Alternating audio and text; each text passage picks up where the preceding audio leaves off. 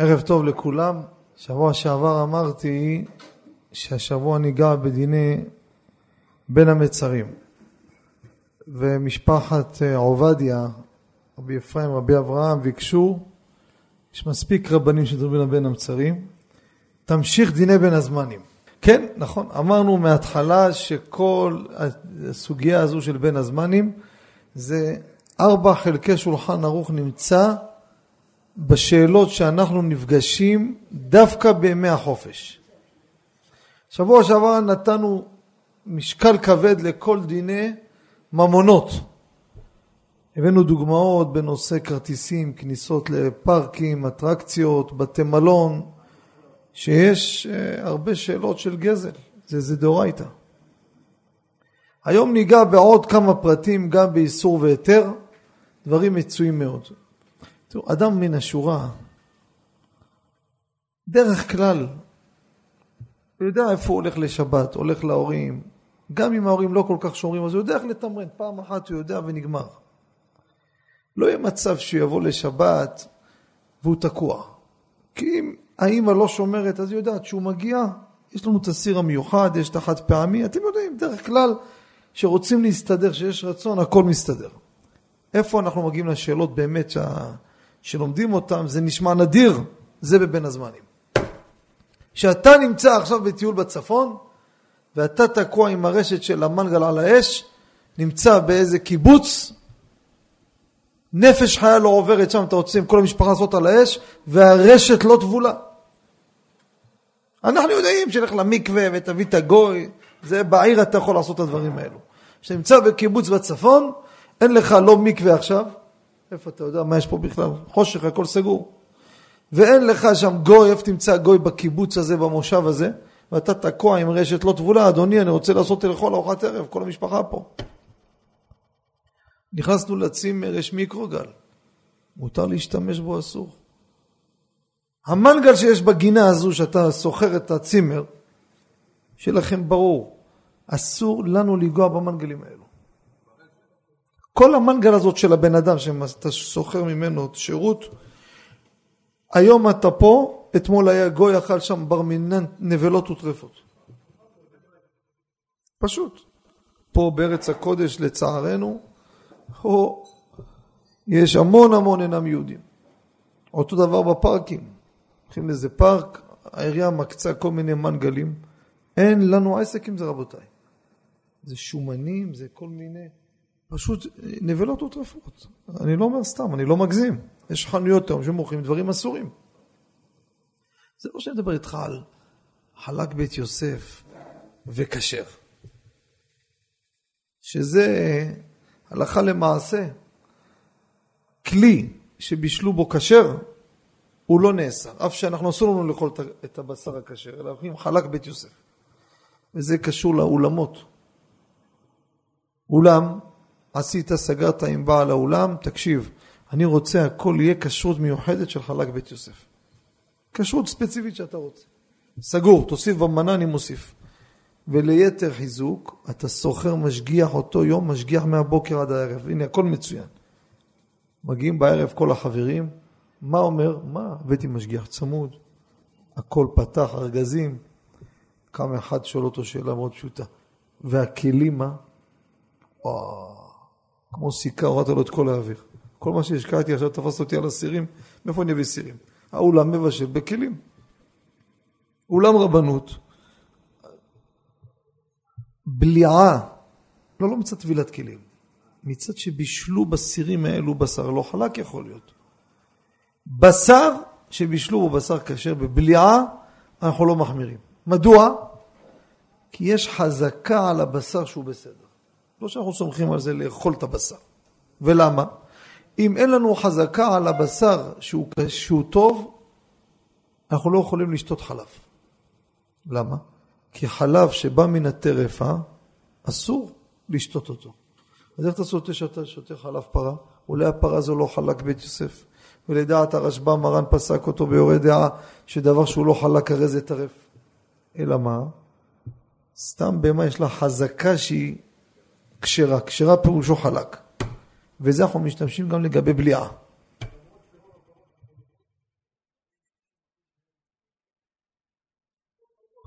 לא. הנושא של הפרות שעוברות כל מיני ניתוחים, זה התכוונת. עושים להם, היום הפרות עושים להם, אתם יודעים מה ההבדל בין, יש איזה משפט ששנים, אני אמרתי פעם לבדוק אותו יסודי, בדקתי, והופתעתי שזה לא נכון. מה מפיצים ואומרים?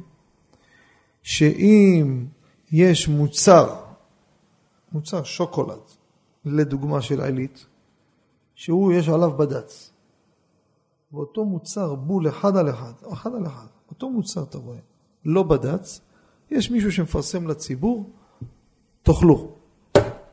זה אותו דבר. אותו קו, אותו רכיבים, אותו הכל. אמרתי בוא נבדוק. מה זה? המצאה? השערה? מה זה הדבר הזה? פניתי לדעה חרדית. ותשמע, זה טעות חמורה. זה מישהו שמפורסם שהוא מפרסם את זה, וחוזר על זה כל הזמן. ואומרים לו, תשמע, אתה לא יכול לפרסם בשם עדה חרדית, שהם אומרים הפוך, הם נותנים את הכשרות.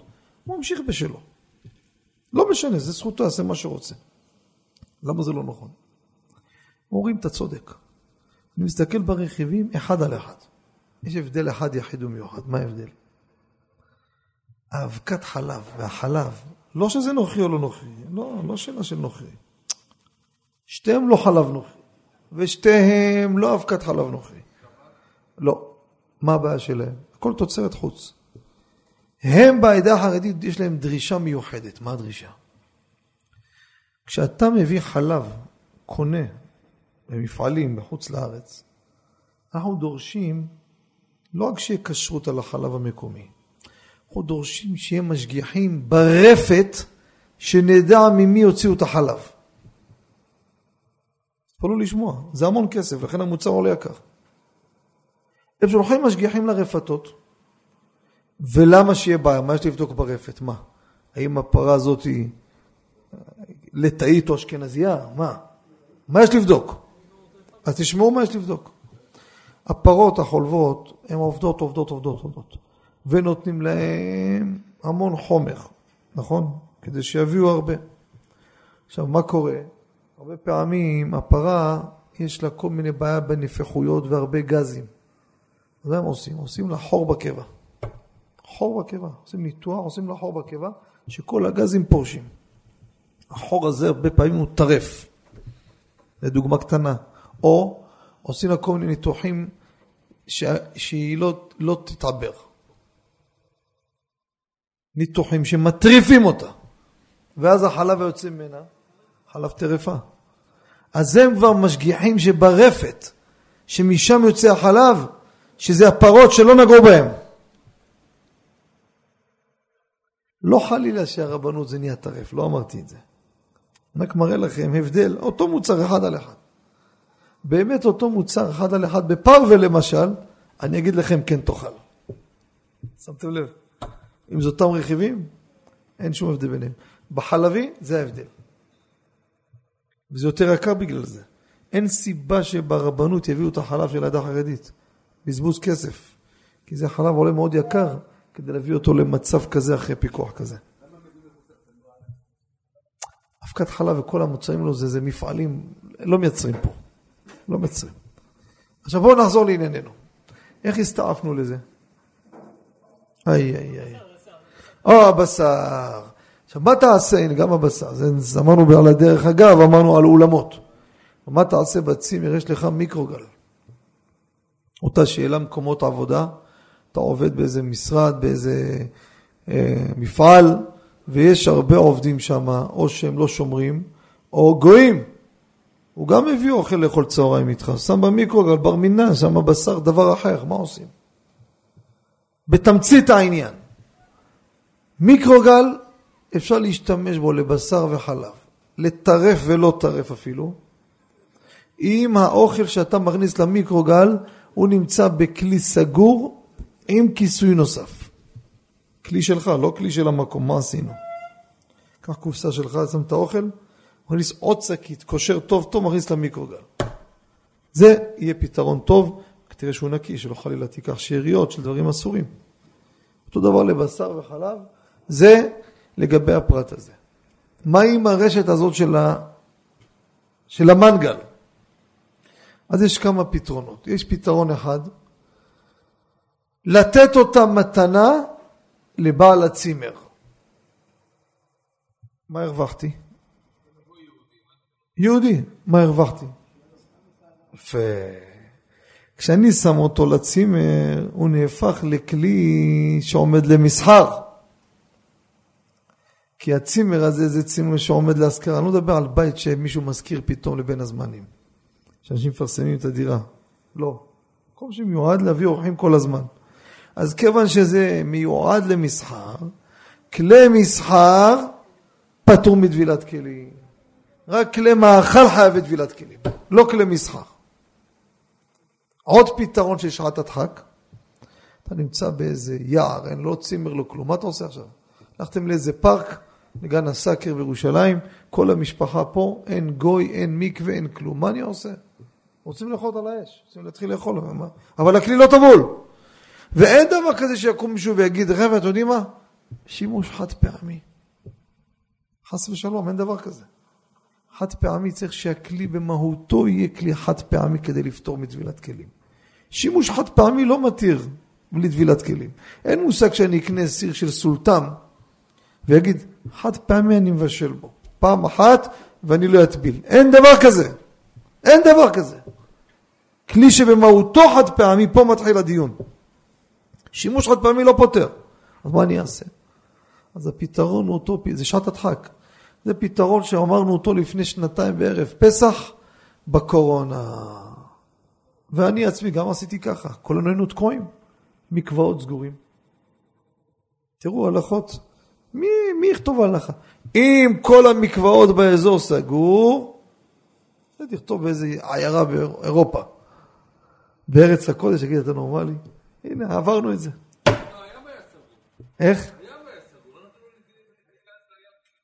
יפה מאוד רבי יאיר. נכון, צודק? אפילו לים גם לא יכולת להתקרב, צודק? הרמטי. מה עושים? עושים פתרון, זה תוכנית מגירה, שולפים את הקולות האלו בשעת הדחק. אתה מפקיר אותו בפני שלושה, ואז אם לא זכו, אתה מגביה אותו מההפקר ומתכוון לא לזכות בו, אתה שואל אותו מההפקר. לא שלך. איך? לא, קנית אותו שלך, רבי דודי. עוד פעם, מחילה, מה השאלה? לא, זה אסור להשתמש בכלל. זה, לא, זה, אין בעיה, לא צריך פתרון. זה יותר מבעיה. אסור. זה כמו שתגיד עכשיו תלך לכפר, תעשה על האש במנגל של הזה. אין דבר כזה. אני דיברתי על מנגל שלך. היית עכשיו בצפון, נכון? באתי לסחב איתך כל היום מנגל. אתה אומר, ניכנס לסופר, נכון? נקנה בשרים, נקנה מנגל ל-20-25 שקל, נלך לאיזה נחל, נשב כולם שמה. אה, סליחה שאני מגרה אותך, רבי יאיר. כן? על מי מנוחות. חסידים אומרים, נאוס דשא. נאות דשא ירביצני. אה? לא, אין דבר כזה, הוא מהותו לא חד פעמי. זה כמו שיגיד אני קונה סיר סולטן ואזרוק אותו. לא יעזור. זה כלי קבוע. יש כלי שבמהותו הוא חד פעמי וגם, וגם כלי חד פעמי, לדעת מרן הרב עובדיה, רבי אפרים, לא יועיל במנגל חד, הם מוכרים מנגל חד פעמי היום, אתם יודעים. לפי הרב עובדיה זה לא פתרון. אתם יודעים למה? כי גם, גם מגש אלומיניום חד פעמי לדעת מרן הרב עובדיה תוצרת חוץ חייב בטבילת כלים. זורק אותו. זה שאלה אחרת. אני מדבר עכשיו על חד פעמי. זה חד פעמי של העוגות, של העופות, של כל האלו. דעת חכם עובדיה, זה, כך הביא בהלכות קידוש בחזון עובדיה, כיוון שזה מתכת, הוא חובה להטביל אותו.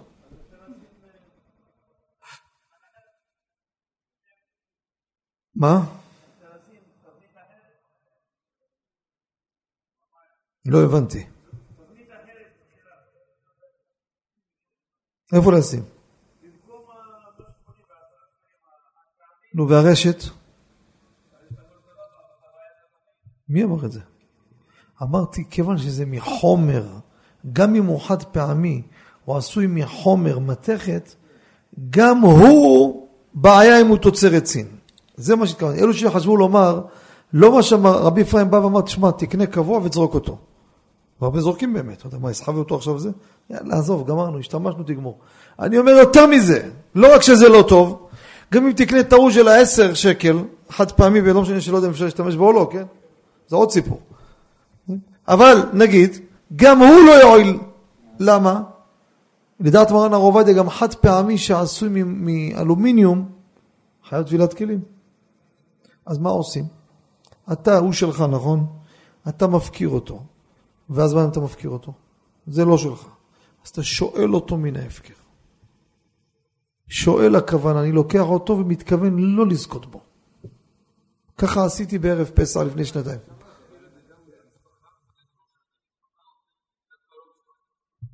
קרובים גם אפשר. עדיף לפני זרים, אבל לא מעכב. מה אומר? שאלה מההפקר, בדיוק. אני אומר, לקח לא מתכוון לזכות, זה נקרא שואל מההפקר. אני לוקח, אתן לך דוגמה, אני עכשיו יוצא לרחוב, עכשיו ראיתי פה איזה ארגז זרוק בחוץ, הפקר? אם הקבעתי אותו זכיתי. ואני מגביה אותו ואומר, אני מתכוון לא לזכות בו. אז מה פירוש? שאני שואל אותו מההפקר. זה הפתרון של שעת הדחק, וזה מה שאני עשיתי בערב פסח. לפני שנתיים, היה כלים לחג. הוצאתי את הכל למדרכה, שמתי את הכל מסודר, כמו איזה סוחר כלים פרסי, שפתח בסטה ליד תחנה מרכזית. עברו כמה חסידים, קראתי להם, אני רוצה להפקיר את זה. אז אחד אומר לי, חסיד אחד, אתה רוצה שאני אקח את זה?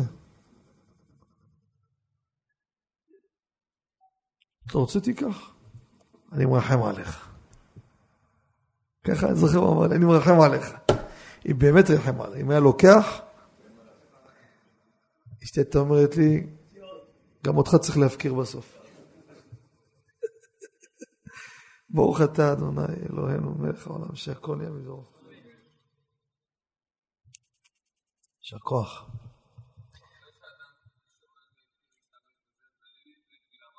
אחר כך צריך להטביל את זה, יפה מאוד שאלת. אותו דבר לתת לגוי, שכ"ג, מה ש... הוא עוד לא הטביל, ודאי. זה כלי של גוי. זה כלי של גוי. הרי כשאני מפקיר אותו, הוא מהותו היה כלי של גוי, עוד לא עבר לרשות ישראל. נכון? עבר אמנם, אבל עוד לא הכשרנו אותו. אז הפקרנו אותו, מי שיקח אותו. אתה יודע מה זה דומה? חנות כלים, שהכלים האלו חייבים טבילה, נכון? כרגע אני לא מטביל אותם, כי הם עומדים להלאה, לעבור הלאה. גם זה עובר להפקר, מי שיזכה בו, יזכה, הוא יטביל. זה לגבי הפרט הזה. עכשיו, מה קורה עם הסכו"ם? רבותיי, אתה רוצה לעשות נס קפה בצימר, באמת אני מדבר, שמו לך כפיות שם. כוסות זכוכית עם כפיות. אני, אני שואל שאלה, ברצינות אני מדבר. אם אתה אומר לי בצורה ברורה, אני, תראה, יש כאילו באים, יכולים גם לשתות מרק בשרי בצימר. אני מדבר נראה לי לעניין, נכון? זה סכו"ם שהכל, אנשים מביאים אוכל, נכון או לא? אנשים שבת עושים זה, אז מה עושים? אני חייב להכשיר את הסכו"ם הזה, רבותיי. איך אני מכשיר אותו? הקומקום הזה, אני בעצם מרתיח אותו, ושם בו טיפת סבון, שיהיה פגום, וכשהוא מבעבע, אני מכניס את הסכו"ם לבפנים, ומוציא את זה שופט שוטף מים קרים. אותו רגע הכשרתי אותם, נהיו כולם פרווה. הכלי זכוכית, שימו לב, הכלי זכוכית, זכוכית, לא, לא אה, כלים אחרים, זכוכית אני מדבר. אף שמרן והרמ"א נחלקו בזה בהלכות פסח, ולדעת הרמ"א, כלי זכוכית, אין לו הכשרה. הבן איש חי יחמיר בזה גם נכון לגבי עם שלוש ימים וכולי. לדעת מרן, שיעה ולא בלע. מה קורה בשר וחלב? הייתה לי שאלה מעניינת, איזה, איזה מישהי אשכנזייה אחת, בחורה חרדית, התקשרה, אומרת, אח שלה לא עליכם, לא עלינו, ירד לתרבות רעה. הוא ירד תרבות רעה, זה יורדים, יורדים. בשר בחלב, הפקרות. אומרת, מה אני עושה? ריבון העולמי, אני כבר לא יכולה לאכול ולשתות בבית, אני רואה מה אח שלי עושה. אמרתי לה, תקשיבי, כלי זכוכית, גם אם ראיתי שאתה בנס קפה, מרק בשרי תשתי. למה? רבים מהפוסקים האשכנזים אומרים, אז למה בפסח אתה מחמיר? אומר, הרמ"א חלק על מרן בפסח, לא בבשר וחלב. בשר וחלב זה יותר קל. ולכן בזכוכית, גם לאשכנזים, גבי בשר וחלב, אני מריח אשכנזי אצלי, בכלי זכוכית הזה, אני לפעמים הילד שותה איתו מרק בשרי. נגיד. נס קפה, מותר. פסח רק מחמירים בזה. בשר בחלב, זה מחלוקת, אבל הדעה הרווחת מפוסקים אשכנזים המחמירים כך כתבו. אז הסכו"ם אמרנו, המיקרוגל אמרנו, נכון? על האש אמרנו. עכשיו עוד נקודה חשובה רבותיי, אני אומר לכם, זה מה שאני אומר לכם עכשיו, אני נזכר, המעיים שלי מתהפכים. וזה יותר מדאורייתא. זה אפשר לומר, הדבר הזה דוחה את כל התורה כולה חוץ משלושה עבירות. חוץ משלוש עבירות. תופעה שאני עוקב אחריה שנים. עוקב, לא השערות. הולכים לבריכות, בריכות אזוריות, בריכות של מלון. אני עוקב קבוע, מצילים, יושבים, משחקים בטרפים שלהם, לא משגיחים על הילדים. אין פעם שאני לא יוצא וניגש אליו, אתה, אתה יודע שאתה לא משגיח, אני מסתכל עליך, אתה כבר עשר דקות משחק בוואטסאפ שלך. ילדים קטנים פה, תראה, הבריכה מפוצצת, אתה לא משגיח בכלל. סליחה, סליחה, סליחה, סליחה, סליחה. שם את זה בצד, שאני לא אתלונן עליו. אני ממשיך להסתכל, עובר עשר דקות, עוד פעם הוא משחק בפלאפון. שבוע שעבר ילד נפל למים, שלוש דקות עד שקלט אותו הקרוב משפחה שלו שהוא לא לידו, הוציאו אותו מצב קריטי, לא יודע מה קורה איתו. שמעת, השם ישמע. אני אומר לכם, אני, אני לא יודע איך עושים את זה, אני יודע איך עושים, אני לא יודע אם ישתפו פעולה, צריך להוציא חוק, אסור להם להחזיק פלאפונים בכלל. שיהיה, איך? כל העבודה, אתה לא מסכן אנשים. מה זה כל העבודה? כל החיים אנשים נהיו בד משוגעים. אבל אתה יושב בבריכה, מאה, מאתיים נפשות, ילדים שובבים, יש כאלו לא יודעים קופצים, לא יודעים לשחות, לא יודעים זה, אתה צריך לפתוח את העיניים, כל המק להיות ככה. מה הוא עושה? ברור שלא מורה, מסכים איתך. אני לכן, אין מושג של ילדים שילכו לבריכה אם אני לא איתם צמוד. צמוד. היה גדול הדור, רבי אהרון לב שטיינמן, זה איזה קדוש לברכה. אני הייתי אצלו כמה פעמים, הוא היה רועד, רק אומרים לו בריכה או משהו. מתקשרים, אני הייתי ליד. הרב, מדברים מישיבת זה וזה, רוצים לקחת אותם לבריכה. לא! מקום אחר שיקחו. שנה אחת נתן הוראה להוציא מכתב בבתי ספר, בקייטנות, שלא ייקחו לבריכות. אז הרישום ירד בגלל זה, הם לא בריכות, איפה תיקח אותם? זה מקום הכי מסוכן. בין המסוכנים ביותר. אני אומר לכם, אין, אני לא יודע למה לא עושים חוק שאסור להם להחזיק פלאפון. ואם זה מצב חירום, שיהיה טלפון קווי שם, לחצן מצוקה, שילחצו יבוא אמבולנס, חס ושלום. הם לא משחקים. לכן חייבים הערנות גם לגבי הילדים שלנו וגם לגבי האחרים. אם אנחנו נטרטר כל פעם ונטרטר ונאיים עליהם, אולי נעשה משהו.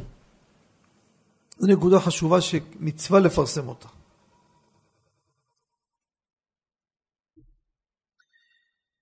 עוד דבר, מקום חלל שבת נגענו? לא נגענו. זו השאלה הגדולה מאוד, שמגיעים הרבה שאלות כל שנה מיראי השם, מה עושים? ילדים רוצים לצאת לאתר פלוני. בסדר? מתחילים להתארגן, איפה מה מומי, פתאום נודע לנו, הוא פתוח בשבת. מודעות בכל המגזר החרדי, שכרו את הבריכת ממדיון. רק חרדים. נלך או לא נלך? המקום הזה מחלל שבת. יש כל מיני אתרים, לונה פארק, כל מיני... אז פה אני רוצה להגיד רבותיי, מה ההלכה ומה ההנהגה. צריכים לדעת, לעשות הבדלה. וההנהגה היא גם כן צריכה להיות, לפי מה שנאמר, צריך לשים לב במה אנחנו ננהג ככה, במה ננהג ככה. להיות קיצוני אפשרי, אבל זה לא מביא לתועלת, במקרים מסוימים. מעיקר הדין, כל מקום שהוא מחלל שבת, הדין היבש. מותר להיות שם ביום חול. אין איסור. אני לא מסייע לו בחילול שבת. אני מסייע לו ביום חול. הוא מחלל שבת. וגם מה שנוצר בשבת, על פי ההלכה, גם במזיד מותר לאחרים ליהנות בזה במוצאי שבת, מיד. ונכון שהכתב סופר אומר דבר שעשו אותו בשביל אחרים זה שונה, רבים חלקו עליו. וכל זה רק קנס, איסור קנס דרבנן, הנאה ממעשה שבת. מהתורה מותר ליהנות, זה הלכה יבשה. אבל, וזה לא סתם אבל, ברור לנו שאם אנחנו שומרי השבת, אנחנו לא מעטים, רבותיי. אם היינו איזה קבוצה מועטת, 50 איש בתוך מיליון, יא חביבי, זה תעשה מחאה מול הכותל. זה לא ככה. היום בן פורת יוסף בן פורת על העין, הציבור, עזוב את החרדים, הציבור המסורתי, אלו אפילו שכל השבוע לא באים לבית כנסת. בשבתות ממלאים את בתי הכנסת. אני אומר לכם, עם כל אלו ששומרי שבת, היו עושים למען השבת, לא מול אנשים פרטיים לחנך אותם, לכפות עליהם את הדת, חס ושלום, לא זה כוונתי. כוונתי על מי שעושה חילול שבת, חילול שבת בפרהסיה. אותם צריכים לייבש אותם. כל התחנות דלק, כל המקומות האלו. ויש לנו כוח חזק. מה, יש לנו כוח צרכני חזק מאוד. מה השאלה בכלל? אחד תחנת דלק באזור שלכם פה, לא יודע אם לקרוא לזה נוכל או נוחר. הלך פרסם, סוגר בשבת, למשוך את כל הקליינטורה. כולם נוהרים נוהרים, אחרי כמה תקופה, שלחו מישהו מהאזור שם, לא משנה מי, תבדוק מה קורה שם בשבת באמת. הוא אומר, תשמע, תחנה מפוצצת. ניגשו אליו, אומר, לא, סגור. ותקשיב, פתוח. אומר לכם, סגרתי. מה עשה? סגר, לא, לא מישהו אחר. סגר את התחנה, לא תראה שום פועל. הוא נותן לכולם לתדלק בעצמם. יותר רשע אם היה פותח ושם ערבים שיתדלקו. שם אמירה לגוי. פה נותן ליהודי לעשות חילולי שבת גמורים. חילולי שבת בפרהסיה, ברור שאנחנו צריכים לעשות פעולות מה שאפשר. אז תשאל אותי אם ככה, אז בוא נלך עד הסוף. אז תשימו לב מה ההנהגה. זה ההנהגה הנורמלית, מי שירצה יקבל. אנחנו מסתכלים על המקום הזה שאנחנו רוצים ללכת אליו. האם יש לי בזה משהו חילופי או לא? פה, גדרה, יבנה, רחובות, אזורים שלכם, אגד מספק לכם שירות, נכון? נכון או לא? אופקים? אה, לא אגד? אה, סליחה. גם וגם. אגד למשל, חברה מחללת שבת בפרהסיה. פשוט. קו חיפה לאילת, חללי שבת. וגם בערים שאין מוציאים נהגים בתוך השבת להתכונן למוצאי שבת. חללי שבת בפרהסיה. נו, אולי נעשה חרם עליהם. למה לא? אני אגיד לכם למה לא. יש לי תחליף? יש לי תחליף? גברת לוי הולכת לשוק לעשות קניות, מה אתה רוצה להגיד, אל תסעי באגד, אז איך במונית? למה היא סאטמר? יש להם מכונות צילום של שטרות?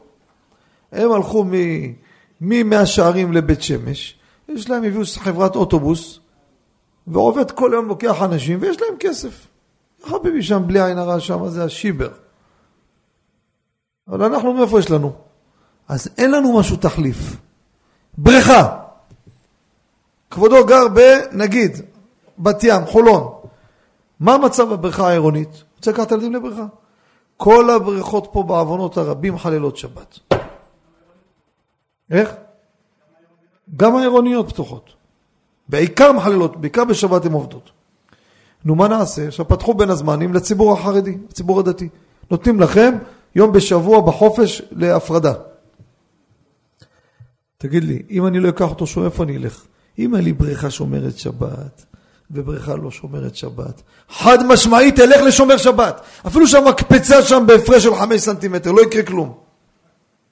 הוא אומר לי, תשמע, אחד אמר לי, המקפצות שם יותר. לא נורמלי. המקפצות שם יותר מקצועיות. זה משמעותי בחייך, אתה עושה צחוק. תגיד לי, נגיד, ממדיון למשל, זה לא רק בריכה, זה מגלשות, זה אטרקציה רצינית, אין לך משהו חילופי, יש? אני שואל, אני לא יודע. אם יש, אל תלך לשם. אין, תלך. זה המודד איך אנחנו נתנהג בכל המקומות חללי שבת. כל דבר תבדוק אותו לגופו. ולמה, מה החילוק הזה? מה, פתאום נוח לך? כן. אני לא הולך בשביל לחזק אותו, אני הולך בשביל הצרכים שלי הפרטיים. ראיה, כשאני, יש לי משהו חילופי, אני לא הולך אליו. למה זה דומה? אחד אמר לי, קיבל תלושים, קנייה ברשת מחללת שבת. אמר לי, מה עושים? אמרתי לו, תשמע, אני גוזר עליך לא רק להשתמש בזה, לא להשאיר שם חמש אגורות אפילו עודף בתלוש, תקנה בו.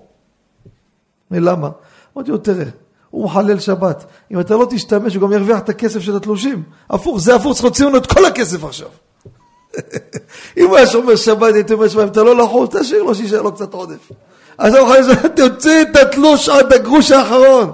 שלא תגיד, אני אשאר שתי שקל, אני מוותר. תקנה גם בשתי שקל. לא יודע, תקנה מסכה. לא תשאיר לו אגורה מהתלוש. זה אותו רעיון. יש מקומות, איפה שבאים, נגיד פותחים לחרדים, זה אין שם גבול, מתייחסים אליהם כמו עדר בעוונות הרבים. אם הבריכה, דוגמה, אמורה להכיל 100 איש, אל תקשה לו, תפתח להם, טעמי, שיהיה בריכת דגים, אקווריום. אתה בא נכנס לשם, יא חביבי, אפילו מודים אתה לא יכול לעשות. מקום אחר, אוי ואבוי אם יעשה משחק כזה. יקום עליו איזה חילוני, מה נראה לך פה זה שוק? שילמנו! רואים את זה במלונות גם. הרי מה הם עושים במלונות? כל שנה בתי מלון מפילים אנשים מסכנים. הם הולכים לנופש, החלוקה של התשלומים במשך שנה הוא צריך לממן את הנופש הזה. חדר נכנסים בו שתיים שלושה, תעמיס עוד שלושה ילדים, תעמיס, תעמיס. אין בעיה, הבניין לא ייפול, אני סומך עליך. מגיע לחדר אוכל, אין מקום. מגיע לבריכה, אין מקום. נכנסים לעולם הרצאות, אין מקום. חולקים את זה, כל שנה, כל פעם נופלים. הציבור נופל בזה. מקרה כזה, אה? רק אתה? רק אתה, אתה לא יודע, זה לא הזמן לדבר, זה לא שיעור עכשיו לשיווק. הם פשוט עוול כזה, ואנשים מסכנים חוזרים לבית בצער יותר גדול. משהו לא נתפס. היה בים המלח אחד מנוול מה שהיה עושה. לפני שנתיים שלוש. הביאו אפילו צלמים של טלוויזיה לצלם את זה, אנשים סיפרו לי. הביאו שם צלמים. אתה רואה מסות של אנשים, שש, שבע שעות מחכים בלובי עם ילדים, באו שעתיים נסיעה, בקושי מים לשתות, אין מפתחות, אין כלום, אין זה, שש, שבע שעות ממתנה. ואנשים חוזרים פחי נפש הביתה, גם איפה ילכו עכשיו? נגמר. למה זה ציבור חרדי? אפשר להכות בו. אני מסכים איתך מאה אחוז, מקום שאתה יודע שזה ככה, ודאי שזה צריך להביא מקום חילופי, אני לא חולק עליך. אבל איפה תלך לחילופי? למי תלך? אם פתחו אותו לחרדים, גם שם זה יהיה בריכת דגים. מה, תלך למעורב? חס ושלום, גיני גיהינם. ודאי לא התכוונת לזה, שרון. התכוונת ללכת לאיזה מקום? לא חרדים, אז הסתבכת, יש מקום בעייתי. בבריכה אין לך פתרון. צריך קצת פחות הנאה, כן? ואנחנו, בשביל להיות דתי, עם כל הכיף, יש לזה מחיר. יש לזה מחיר. מי שמהדר במצוות, בכל צעד עולה לו כסף. זה ברוך השם. צדיקים, חביב עליהם ממונם יותר מגופם, למה? עם זה עושים מצוות. ציצית אתה יכול לקנות ב-12 שקל, ב-8 שקל בסופר, ויש אחד, לא, מה פתאום? איזה סוג בד, צמר, חוטים זה, תביעה, ניפוץ, כל מיני הידורים, אתה... אחרת לגמרי. תפילין, זה כולל הבר מצווה, הולך לשוק הסיטונאי, נכון? אומר, תביא מה שיש, תביא 200 שקל, קח יאללה. בא השני, לא, וזה, ועשה זה, טבל, עשה ריצופין, עשה זה, והבתים זה, וזה וזה וזה, ארבע, חמש אלף שקל תפילין. להבדיל בלי סוף הבדלות. גם בחיי יום-יום. אותם אנשים, תראה את החיים שלהם ביום-יום, בדיוק קיצוני הפוך לצד השני. זה הדרוש הזה שאין לו כלום מה לאכול, הלך קנה את התפילין הכי יקר, ארבעת מילים הכי יקר, והבית שלו נראה לא יודע מה, וההוא שקונה בשקלים ומחפש מזוזות יד שנייה ויד שלישית, חי בארמון שכל שתי קרמיקות שם כמו שתי חדרים של ההוא. צוחק, אה? אתה מבין? כשהוא נכנס לאולם תצוגה בביג לקנות כלים סניטריים, כן? הוא לא שואל איפה יש את האסלות הישנות. איפה הדגמים החדשים? למה, כבודו, תבקש את העודפים יד שנייה, מה קרה? הרי המזוזה גם התקשרת לסופר, אמרת לו, אין לך בעולם משהו שפירקת מאיזה בית? אחד קמצן אמר לי, הלך חיפש בגניזה מזוזות. לא צוחק. הוא אומר לי, תראה מצאתי, הלכתי להגה, אמרו שהם כשרים. אסור לך. למה? כשרים. אמרתי לו, כתוב בהלכה, שנכון שהכתב הוא כשר. אולי הפרשיות נכתבו שהוא לא קידש שם השם. אולי הייתה שם בעיה בסדר הכתיבה שזה פסול, אז מי יכול לבדוק דבר כזה? אז הוא גנז את זה! אז זאת אומרת, מה שמצאת בגניזה זה לא אומר שזה כשר. ודרך אגב, אם נגענו, נגענו. נכון או לא? זה הכל החשיבה של האדם, איפה, מה חשוב לו, מה לא חשוב לו. יש אנשים בדבר מצווה, אין, אין, זה, זה עולם אחר לגמרי, זה גישה אחרת לגמרי. שהוא קונה ריהוט, הוא הולך משקיע, קונה טוב, אוטו, בן פורת יוסף. הוא מקלח את האוטו שלו כל יום שישי. אמר לי הערבי פעם בשטיפה בתלפיות, עברתי שם. באתי עם האוטו, השם ירחם, איך זה היה נראה, לא היה זמן פשוט לנקות. הוא אומר לי, אוטו כזה אני אוהב לנקות. אמרתי, אולי התבלבלת בין האוטו הזה לאוטו לידו. לא, לא, שלך. אמרתי לו, למה? הוא אומר, תראה, פה באים משועממים כל שבוע, אני מחפש מה לנקות, משעמם, אני לא מנקה. אצלך אני מרגיש שעשיתי משהו. יש את המשועממים, יש לו סדר, הוא פנסיונר. צריך ביום שישי בבוקר לקום, לקנות את החלות וללכת שעה להיות בשטיפה. יא חביבי, לא נסעת השבוע, קורונה לא זה, צריך לשטוף את האוטו. אז הוא עושה לו עם אהבה ככה, זו כפרתי, זו חליפתי, לוקח לו 30-40 שקל, נגמר. זה בסדר. זה צריך להוציא כסף תמיד. כשמגיע למצווה, פה מתחיל הסיפור. יצר הרע עובד טוב. אז לפעמים קצת פחות הנאה, אתה שומע? אתה שומע אותי? קצת פחות הנאה, אבל אתה נמצא, ותאמין לי, זה תענוג להיות בבריכת דגים. כל הנייס, כל הזה, זה תענוג. אתה פוגש את כל האנשים בתוך הבריכה, יכול לדבר בהלכה, בהגדה, במוסר, בהשקפה, מה שאתה רוצה שם, אתה מבין? מה אתה עושה בבריכות? איך? כן, אתה, אתה, הכל יש לך שם, פתאום מישהו קופץ לך על הראש, אתה יודע, אתה לא עושה לב מסכן, מחילה, לא שמתי לב, לא איפה לזוז. יש דברים מעניינים, ברוך השם, בציבור החרדי, מאשר ללכת ו... אז זה, זה המשקל. כבודו מבסוט אני רואה. בחינם, מלא מופת, למה לא? גם שם אין מקום כבר. גם שם אין מקום.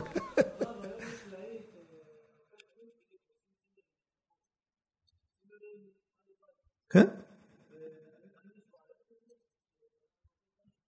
אין בעיה מבחינת להיות שם, גם אם אין מזוזה. אבל כל הכלים אתה בבעיה, כפי שאני אמרתי. וגם צימרים של יהודים הבעיה קיימת, זה לא משנה דרוזים או לא. צימרים יהודים מזכירים גם לערבים וגויים. שבת, מה הבעיה בשבת? מי? גוי, מה הבעיה? אה, מצד מקום מחלל שבת מתכוון? קודם כל צימר זה לא נקרא מחלל שבת. צימר הוא מזכיר אותו, הוא לא מחלל שבת. הוא לא מחלל שבת, זה לא מקום שעושה חילולי שבת. הוא מזכיר, זה כמו אחד שמזכיר את הבית, מזכיר. איך כותב, יש כמה נימוקים, חילול שבת הוא בחלל, הוא לא בדבר עצמו. שווה להזכיר, בהבלעה מותר, שלא יהיה שכר שבת. מסחר, נכון. לא אמרתי טבילה, אמרתי הכשרה. לא אמרתי טבילה. כלים של צימר לא צריכים טבילה. צריכים הכשרה, בליעה של איסור. נבלות וטרפות, בשר וחלב, זה מה שהתכוונתי. לכן גם אם לקחת מדרוזי או יהודי בשבילי אותו דבר. קיריים החשמלי, אם אתה שם, אה, אה, בעיקרון אם אתה רואה שהוא נקי אתה שם סיר בפשטות, כי הוא גם מכשיר את עצמו. כן, כן, פשטות אין בזה בעיה. לא, לא, מה פתאום. מנגל שהוא בעייתי, להחליף רשת זה לא מספיק. כשאתה מניח אוכל, תשים לב, גם לכל המסגרת יש אוכל. אין דבר כזה. צריך לשים לב הדבר הזה. Uh, עוד משהו קטן, בזה נסיים. שבוע הבא כבר בעזרת השם ניגע כבר בזהו. Uh, לגבי ברכה אחרונה, בשתי מילים כבר צריך לסיים. לברך כשאתה נמצא בלי בגד בגוף העליון. יש לך מכנסיים קצר, כן? אתה, הערווה מכוסה. אבל אתה נמצא, יושב עכשיו בכיסא או משהו כזה, בים, שם כיפה ומברך, אוכל מזונות, שותה מים, אוכל פיצוחים, זה מצוין. מה קורה עם ברכה האחרונה? אז הלכה למעשה, ברכת בורא נפשות מותר לברך גם כשאתה בלי גופייה. עם כיפה אבל. אבל ברכת המזון וכן ברכת מעין שלוש, כיוון שזה מדאורייתא, ויש אומרים שמעין שלוש זה כמו ברכת המזון, פה צריך להיזהר לשים בגד על הגוף שלך כשאתה מברך ברכה האחרונה. בגד, לא. לכסות, שים חולצה קצרה, בגד. זה ממש במילה אחת. עוד בעיה, שאתה מברך, אסור לברך מול גבר שרואים לו את כל החלק האחורי, אין לו מכנס למשל, יש לו איזה זה, ורואים את כל החלק האחורי, זה דבר שבערווה, אסור לברך שם השם מולו. לכן צריך לשים לב איפה, מול מה אתה מברך. זה ממש בתמצית, בעזרת השם בלי נדר. אה, שבוע הבא כבר צריך לדבר כבר על ה... בעזרת השם על הלכות הזהו, תשעה באב, ובעזרת השם נזכה לבית המקדש בקרוב. שיהיה הלכה ולא למעשה, אבל ברור שאנחנו בדרך לשם, אין ספק בזה בכלל. אנחנו רואים ברוך השם, לא, לא סימנים, הכל סימנים התבצרו, תראו מה אומר רבי שמעון בר יוחאי, בזה נסיים. כותב את תיקוני זוהר, תיקונת תריסר, דף כ"ז עמוד א', תשמעו טוב. מאמר קדמאה. למה, אני מתרגם לעברית, ועמי התגליה לבסנה, למה קודשה ברוך הוא התגלה למשה דווקא בסנה בקוצים? מה זה? זה דבר מקום, נאמר, לא מצא איפה להתגלות בקוצים, השכינה בקוצים. מה... אומר להחזאה דאבד בדוחקה בין הקוצים. זה דוחק. ועם כל דה, עם כל זה, הסנה איננו עוקל. שימו לב מה היה. דוחק גדול קוצים, אבל לא עוקל. נשאר חי וקיים. מדלג את מה שאומר, שמעו מה הוא כותב עכשיו. אומר,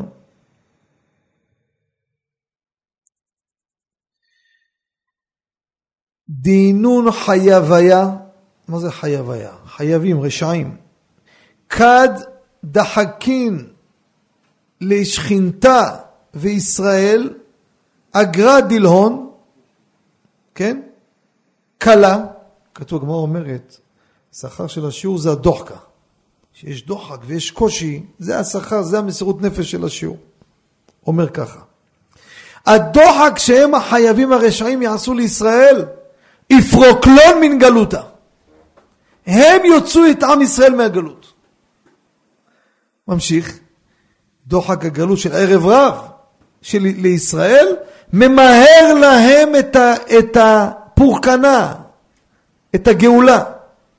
ורפיון דלהון שהם מתרפים והם לא מכים בנו, מעכב לישראל את הגאולה.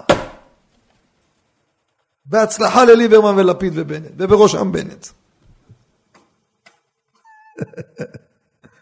כמה שהם יקשו, זה ממהר לנו את הגאולה. שהם יתרפו, רבותיי, יש פה עיכוב קל. זה רבי שמעון בר יוחאי. לכן אין מה לפחד רבותיי. מה נקבע לאדם? אמרתי לכם את זה 700 אלף פעם. מה נקבע? לא יעזור כלום.